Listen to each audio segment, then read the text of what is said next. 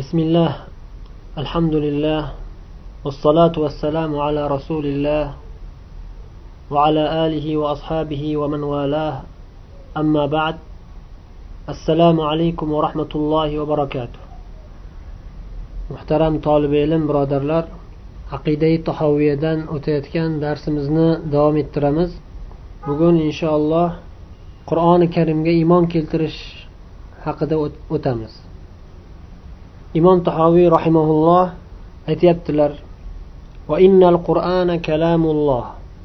منه بدا بلا كيفية قولا. أو منه بدأ بلا كيفية قولا. وأنزله على رسوله وحيا. وصدقه المؤمنون على ذلك حقا. وأيقنوا أنه كلام الله تعالى بالحقيقة. ليس بمخلوق ككلام البرية إلى آخر ما قال رحمه الله وإن القرآن كلام الله شك شبهسز قرآن كريم الله نين كلامدر o'tgan darsimizda aytganimizdek va inna deb atf qilib avvalgi jumlalarga bog'lab ketishlari نقول في توحيد الله معتقدين بتوفيق الله إن القرآن كلام الله allohning tavhidi borasida allohning tavfiqi va madadi ila aytamizki shak shubhasiz qur'oni karim allohning kalomidir minhu bada bila kayfiyatin qavla bu qur'oni karim olloh taolodan chiqqan yoki alloh taolodan zohir bo'lgan. Qanday qilib? Bila kayfiyatin qavlan kayfiyatsiz kayfiyatini tasavvur qilmagan holda aytamiz. Qavlan so'z. Allohning so'zi holatida. Allohning so'zi bo'lgan holatida zohir bo'lgan alloh taolodan. Ya'ni alloh taolo so'zlagan buni. Demoqchilar.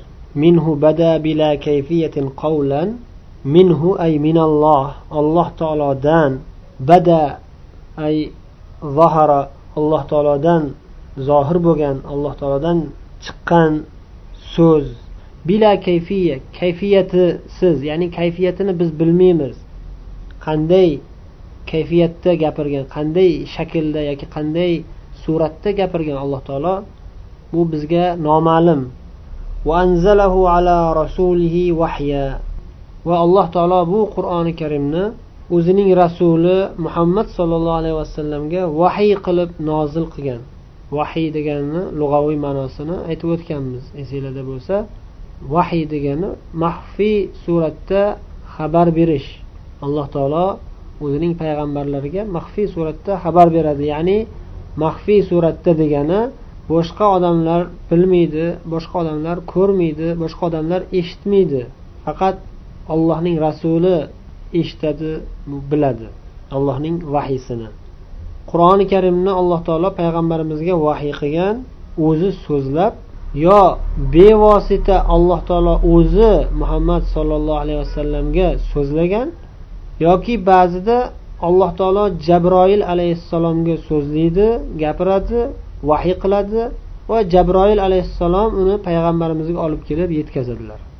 وصدقه المؤمنون على ذلك حقا mo'minlar islomni qabul qilgan mo'min musulmon odamlar rasululloh sollallohu alayhi vasallamga kelgan mana shu vahiyni qur'oni karimni mana shunday haqiqat deb tasdiq qilganlar ishonganlar tasdiqlaganlar qabul qilganlar. Chin qalblaridan shunga ishonganlar. Mo'minlar shunday deb ishonishgan deyaptilar.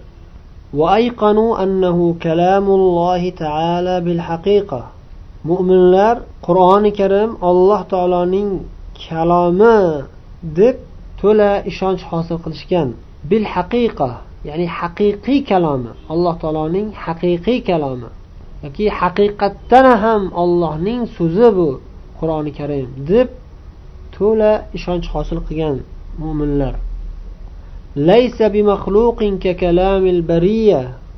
odamlarning so'ziga o'xshagan maxluq emas deb iymon keltirganlar. Mo'minlar va xosatan ahli sunna val jamoa allohning qur'oni allohning kalomi e, qur'oni karim ollohning kalomi va maxluq emas. Odamlarning so'zi maxluq bo'lganiga o'xshash ollohning so'zi ham maxluq emas odamlarning so'zi maxluq lekin ollohning so'zi maxluq emas deb to'la ishonch hosil qilishgan deyaptilar faman sami'ahu فزعم أنه كلام البشر فقد كفر bas kimki bu qur'oni karimni eshitib turib shu qur'oni karimni eshitib qur'oni karim nozil bo'lganini eshitib bu qur'on basharning so'zi insonning so'zi bu. Odamning gapi qur'on bu kalamul bashar odamni gapi desa darhaqiqat u kofir bo'ladi. Hech kim hech qaysi musulmon bu qur'on odamning so'zi bironta bir odamni so'zi deb aytmaydi. Kimki agar shunday desa u musulmon bo'lmaydi u kofir.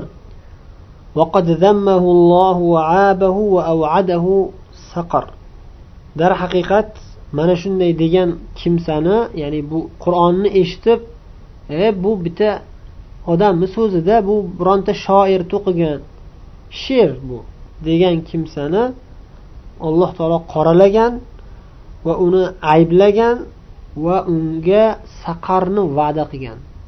Ya'ni do'zax jahannam vodiylaridan eng ashaddiy azob bilan to'ldirilgan vodiyni saqarni va'da qilgan alloh taolo ana shunday bu insonni so'zi bu xudoni so'zi emas bu ollohni so'zi emas bu insonni so'zi degan kimsaga jahannamdagi saqar do'zaxini va'da qilgan. Ana shu yerga tushiraman degan. Haysu qola taala sauslihi saqar. Saqar ya'ni jahannamdagi eng ashaddiy azob bilan azoblanadigan joy. Ana shu joyda men uni yondiraman azoblayman degan alloh taolo فلما أوعد الله بسقر لمن قال إن هذا إلا قول البشر علمنا وأيقنا أنه قول خالق البشر ولا يشبه قول البشر الله تعالى إن هذا إلا قول البشر بو قرآن بو سوز faqatgina bir bashar insonni so'zi deb aytgan bu odamni gapi insonni so'zi degan kimsaga alloh taolo saqarni va'da qildimi? Jahannamni o'tini va'da qildimi? Shundan biz bildikki va to'la ishonch hosil qildikki bu qur'on qavlu xoliqil bashar bashariyatni yaratuvchisi bo'lgan zotning so'zi. Bashar basharlarning insonlarning so'ziga o'xshamaydi aslo. ومن وصف الله بمعنى من معاني البشر فقد كفر va kimki alloh taoloni bashariyatga insoniyatga taalluqli bo'lgan ma'nolardan biror bir ma'no bilan sifatlasa darhaqiqat u kofir bo'ladi ya'ni ollohni so'zi insonlarni so'ziga o'xshaydi desa masalan u kofir bo'ladi yoki ollohni biron bir sifati insonlarni sifatiga o'xshaydi desa yoki alloh taoloni shunday bir sifat bilan sifatlasaki u sifat alloh taologa loyiq sifat emas ojiz bandalarga ojiz maxluqlarga to'g'ri keladigan sifat bilan ollohni sifatlasa u odam kofir bo'ladi فمن أبصر هذا اعتبر وعن مثل قول الكفار انزجر وعلم أنه بصفاته ليس كالبشر bas kimki mana shuni ko'rsa ya'ni mana shu oyati karimalarni o'qisa o'rgansa e'tibor dars bo'ladi unga ko'zi ochiladi va kofirlar aytgan so'zga o'xshash so'zlarni gapirishdan ogoh bo'ladi o'zini uzoq tutadi taqvo qiladi. Inzajar qo'rqib orqaga qaytadi kofirlarni so'zini aytib qo'ymay deb orqaga qaytadi. Va biladiki albatta alloh taolo o'zining barcha sifatlari bilan aslo basharga insonga o'xshamaydi. Deyaptilar. Demak ahli sunna val jamoa qur'oni karim ollohning kalomi deb e'tiqod qiladilar va qur'oni karim ollohning kalomi bo'lgandan keyin aslo maxluq emas. Chunki ollohning kalomi ollohning sifati ollohning bironta sifati maxluq bo'lishi mumkin emas. Maxluqning sifati maxluq bo'ladi. Xoliqning sifati maxluq bo'lmaydi. Aslo azaldan o'zi bilan birga bo'lgan sifat bo'ladi. Alloh taoloning sifatlaridan biri demak so'zlashligi gapirishligi. Alloh taolo gapiruvchi zot so'zlaydigan gapiradigan zot bu sifati azaldan bor. Ya'ni umumiy gapirishlik sifati azaldan bor.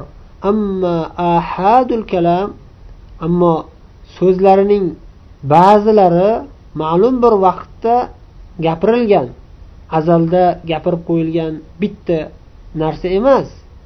Gapirishlik sifati azaldan alloh taoloda azaliy sifatlardan bo'lgan sifatlardandir.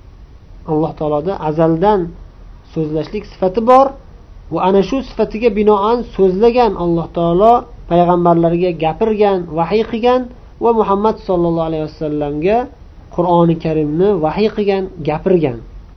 Alloh taoloning kalomidan bir juz bu qur'oni karim. Allohning kalomi allohning kalimalari so'zlari oxiri yo'q qur'oni karimda olloh aytganidek cheksiz. Barcha dengiz okeanlarni olib kelib allohning kalomini yozaman deb siyohga aylantirib yozsangiz barcha dengizu okeanlar siyoh bo'lib allohning kalomini yozsa baribir allohning kalomini oxiriga yetolmaydi. Allohning kalomi cheksiz. Lekin qur'oni karim allohning kalomidan bir juz va eng buyuk eng ulug' kalomi. Qur'oni karim deganda ana shu har bir musulmon biladigan qur'oni karim fotiha surasidan boshlangan va va nas surasiga borib tugagan ma'lum kitob ma'lum buyuk kitob allohning kitobi. Alloh taolo bu qur'oni karimni o'zi so'zlagan o'zi gapirgan. Va uni eshitgan jabroil alayhissalom ham tilovat qilganlar ya'ni vahiy qilib payg'ambarimizga olib kelganlar yetkazganlar. Va rasululloh sollallohu alayhi vasallam ollohdan eshitgan oyatlarini va jabroil alayhissalom orqali u kishiga yetib kelgan ollohning kalomi qur'oni karim oyatlarini ummatlariga yetkazganlar tilovat qilganlar. Qur'oni karimni allohning kalomi ekanligini alloh taolo o'zi qur'oni karimda ham aytib qo'ygan bir necha oyatlarda. Shulardan ba'zilari quyidagicha. Alloh taolo qur'oni karimda aytadiki in ahadun minal mushrikina istajaraka faajirhu hatta yasmaa kalamalloh. Agar mushriklardan birortasi sizdan kelib menga tinchlik va'da qilinglar desa ya'ni tinchlik so'rab kelsa himoya talab qilib kelsa unga himoya beringlar toki u ollohning kalomini eshitsin. Hatta yasmaa kalamalloh. Allohning kalomini eshitsin. Eshitishi uchun ya'ni. Tavba surasida oltinchi oyatida. Qanday qilib eshitadi kofir mushrik yoki boshqalar? Ollohni kalomini qanday qilib eshitadi albatta vosita bor. U vosita rasululloh sollallohu alayhi vasallam va u kishidan u kishidan keyin jabroil alayhissalom va jabroil alayhissalom alloh taolodan eshitgan. U mushrik bevosita ollohni kalomini eshitolmaydi. Musulmon kishi ham hatto bevosita ollohni kalomini eshitolmaydi. O'rtada payg'ambar bor. Payg'ambar ollohning elchisi bor. Ollohning elchisidan eshitadi. Va o'sha eshitgan so'zi elchining so'zi emas ollohning so'zi. Elchi faqat bir vositachi xolos. Yana alloh taolo baqara surasida yetmish beshinchi oyatida ham aytadiki وقد كان فريق منهم يسمعون كلام الله ثم يحرفونه من بعد ما عقلوه وهم يعلمون bu yerda qur'oni karimdan oldingi kitoblar ham ollohning kalomi samoviy kitoblar ollohning kalomi ekanligini olloh xabar beryapti ya'ni xususan yahudlar va nasorolar haqida so'z boryapti Ya'ni ular sizlarga ya'ni yahudu nasorolar sizlarga ya'ni musulmonlarni oldiga kelib iymon keltirishini kutasizlarmi? Ular iymonga kelishini kutib turibsizlarmi? Ulardan bir toifa darhaqiqat ulardan yahudu nasorolardan bir toifalari ollohning kalomini eshitib turib keyin uni o'zgartirib buzib talqin qilishgan. Allohning kalomini tushunib yetganlaridan keyin ham bilib turib allohning kalomini tushunib turib bilib turib ollohdan qo'rqmasdan allohning kalomini buzgan kimsalar bilib turib buzgan. Birinchidan allohning kalomini tushungan ilmga ega bo'lgan lekin shu bilan birga yana o'zi bilib turib qasddan allohni kalomini buzgan o'zgartirgan kimsalar xullas kalom bu oyati karimada ham alloh taolo ularni yasmauna kalamalloh deb ular haqida ollohning kalomini eshitadilar eshitib turib degan ma'noda aytdi. Qaysi kalomini? Muso alayhissalom iso alayhissalomga nozil qilgan kalomi vahiysi? O'shalar orqali bular eshitishgan bularga yetib kelgan edi. Tavrot yahudiylarga muso alayhissalom orqali yetib kelgan edi. U ham allohning kalomi edi. Uni eshitishgan edi. Muso alayhissalomdan yoki muso alayhissalomni shogirdlaridan ashoblaridan eshitishgan edi. Tushunishgan edi kitobni. Haqiqatni bilishgan edi. Bilib turib yana botil narsalarni kiritib buzishgan edi. Buzishgan ollohni kitobini kalomini o'zgartirib tashlashgan.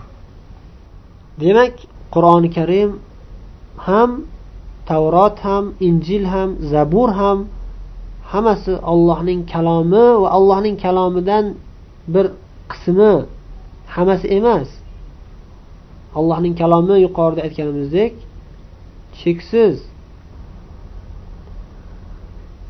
Qur'oni karim hammasi ollohning kalomi. Ichidagi hammasi qur'oni karimning boshidan oxirigacha hammasi ollohning kalomi.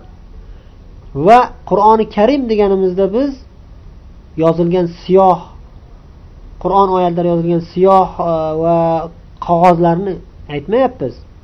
Qur'oni karim yozilganda kitobga qog'ozga yozilganda siyoh bilan yoziladi.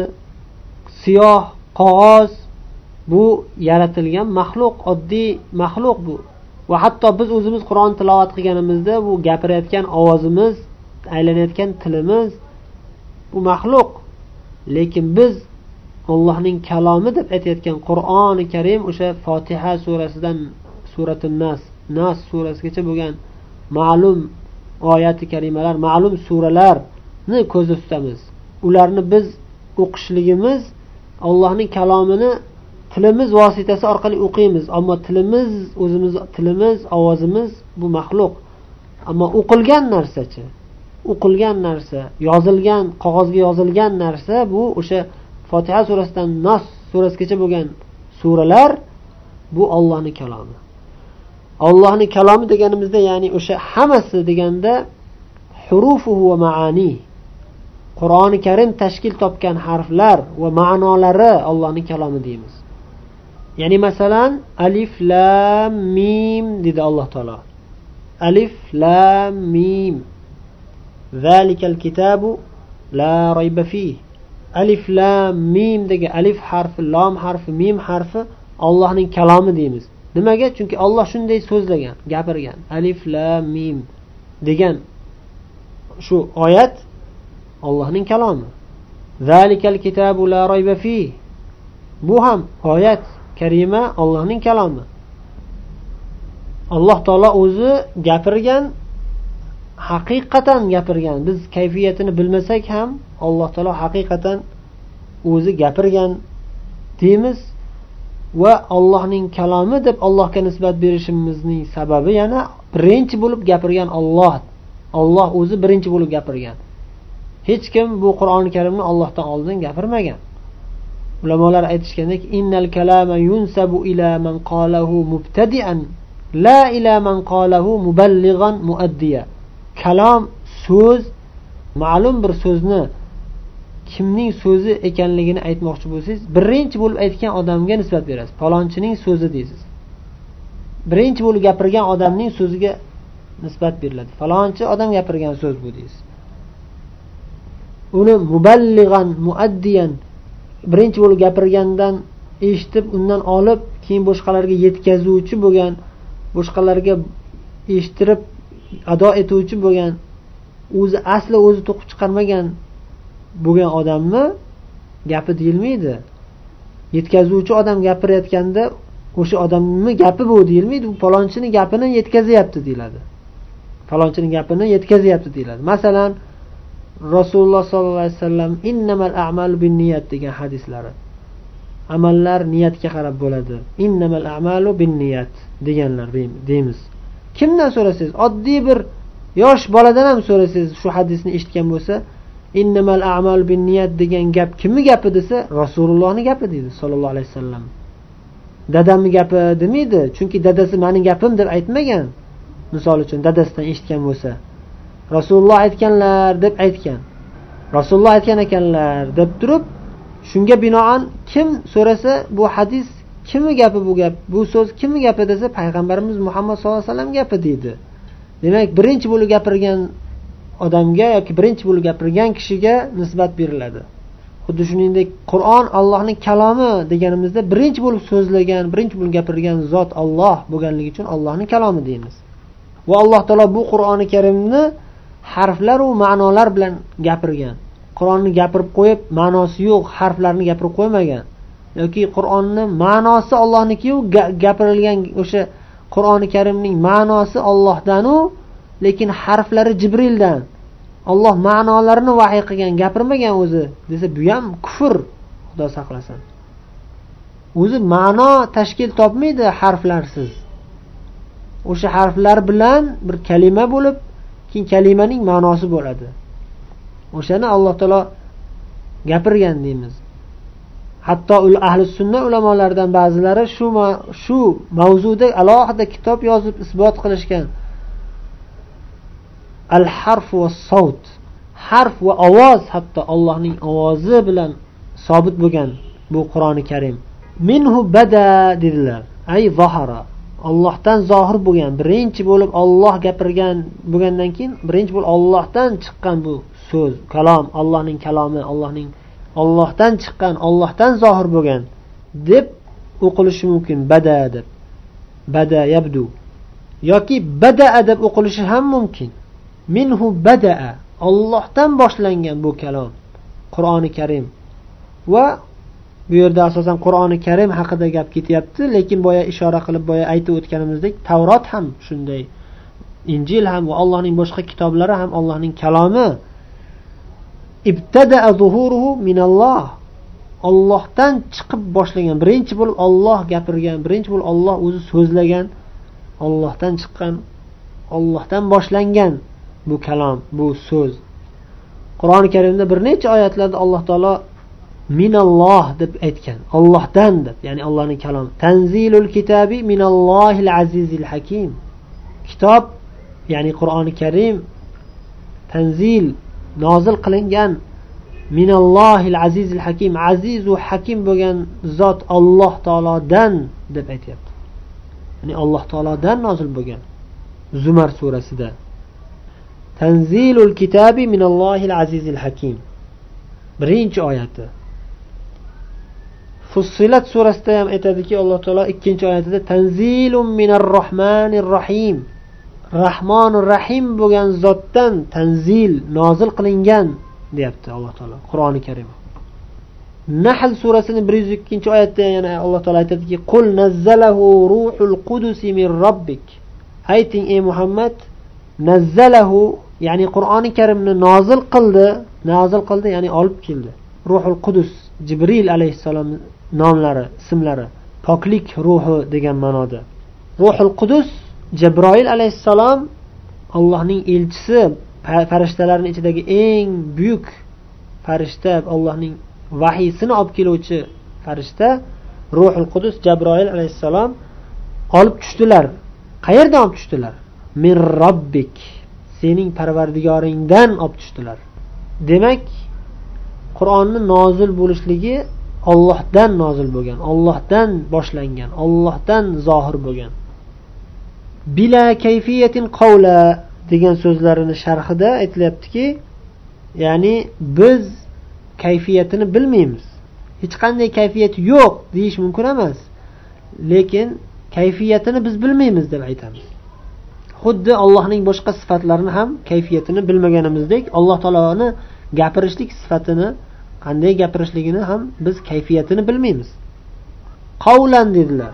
So'z holatida ollohdan zohir bo'ldi. Ta'kidlab aytyaptilar.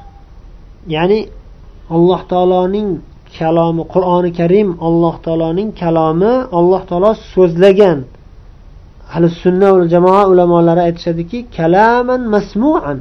Eshitilgan so'z. Olloh gapirganda ollohni gapirgan gapini eshitishgan kim?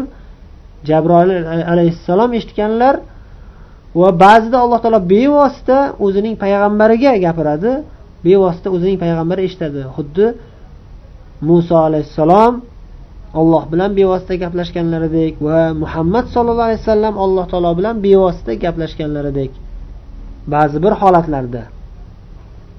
إن القرآن كلام الله منزل غير مخلوق منه بدا وإليه يعود albatta qur'oni karim allohning kalomi nozil qilingan g'ayru maxluq maxluq emas ollohdan boshlab zohir bo'lgan ollohdan chiqqan ollohdan kelgan va ilayhi yaud va alloh taologa qaytadi shu alloh taologa qaytadi degan qo'shimcha ma'lumot rivoyatlarda kelgan القرآن يسرى عليه في آخر الزمان ويرفع من الصدور والمصاحف فلا يبقى له وجود في الأرض zamon oxirlashganda oxir zamonda qiyomatga yaqin qolganda bir kechada alloh taolo qur'onni qaytarib oladi yerdan ko'tarib oladi qanday qilib ko'tarib oladi qur'onni yodlaganlar butunlay qur'onni esidan chiqarib qo'yadi haqiqiy mo'min bo'lmaganligi uchun tabiiy va hatto qog'ozlarga bitilgan yozilgan. Va agar o'sha payt kompyuterlar bo'ladigan bo'lsa kompyuterlardan ham butunlay o'chib ketadi. Qog'ozlardanu jihozlardan hammasidan o'chib ketadi. Qur'oni karim. Bir kechada. Mana shunday rivoyatlar kelgan. Nimaga shunday bo'ladi? Chunki haqiqiy mo'minlar balki umuman musulmon zoti qolmagan bo'ladi o'sha vaqtda. Yer yuzida musulmon zoti qolmagan bo'ladi. Ba'zi bir hadis shariflarda kelgan qiyomat qoyim bo'lganda yer yuzida bironta odam olloh deydigan bo'lmaydi. Olloh deydigan odam qolmagandan keyin qiyomat qoyim bo'ladi. Qiyomatga hali ancha bor ekanda mana bir yarim milliard odam olloh deydi ya'ni bir yarim milliard odam musulmon deb kimdir o'ylashi mumkin lekin bu xato chunki sahih hadisda rasululloh sollallohu alayhi vasallam xabar berganlarki qiyomat yaqin qolganda alloh taolo qiyomatni juda ham og'ir musibatlar bilan juda ham dahshatli voqealar bilan qoyim qiladi. Ana shu narsalarni musulmonlar ko'rib azob chekmasliklari uchun undan oldin qiyomat boshlanishidan ozgina oldin bir shamol yuboradi. Bu shamol yumshoq shamol kelib qalbida iymoni bor. Barcha mo'minlarni birdaniga jonlarini olib ko'tarib olib ketadi. Demak qancha ko'p musulmonlar bo'lsa ham bir lahzada o'sha vaqt kelib qolishi mumkin. Biz undan qo'rqib turishimiz kerak. O'lim har lahzada tayyor turibdi. Alloh o'zi barchalarimizni haqiqiy iymon bilan sobit qadam bo'lgan holimizda vafot qilishimizni nasib qilsin. Keyingi nuqtadagi so'zlarini sharhlashga o'tamiz. O'zining rasuliga alloh taolo vahiy qilib nozil qildi.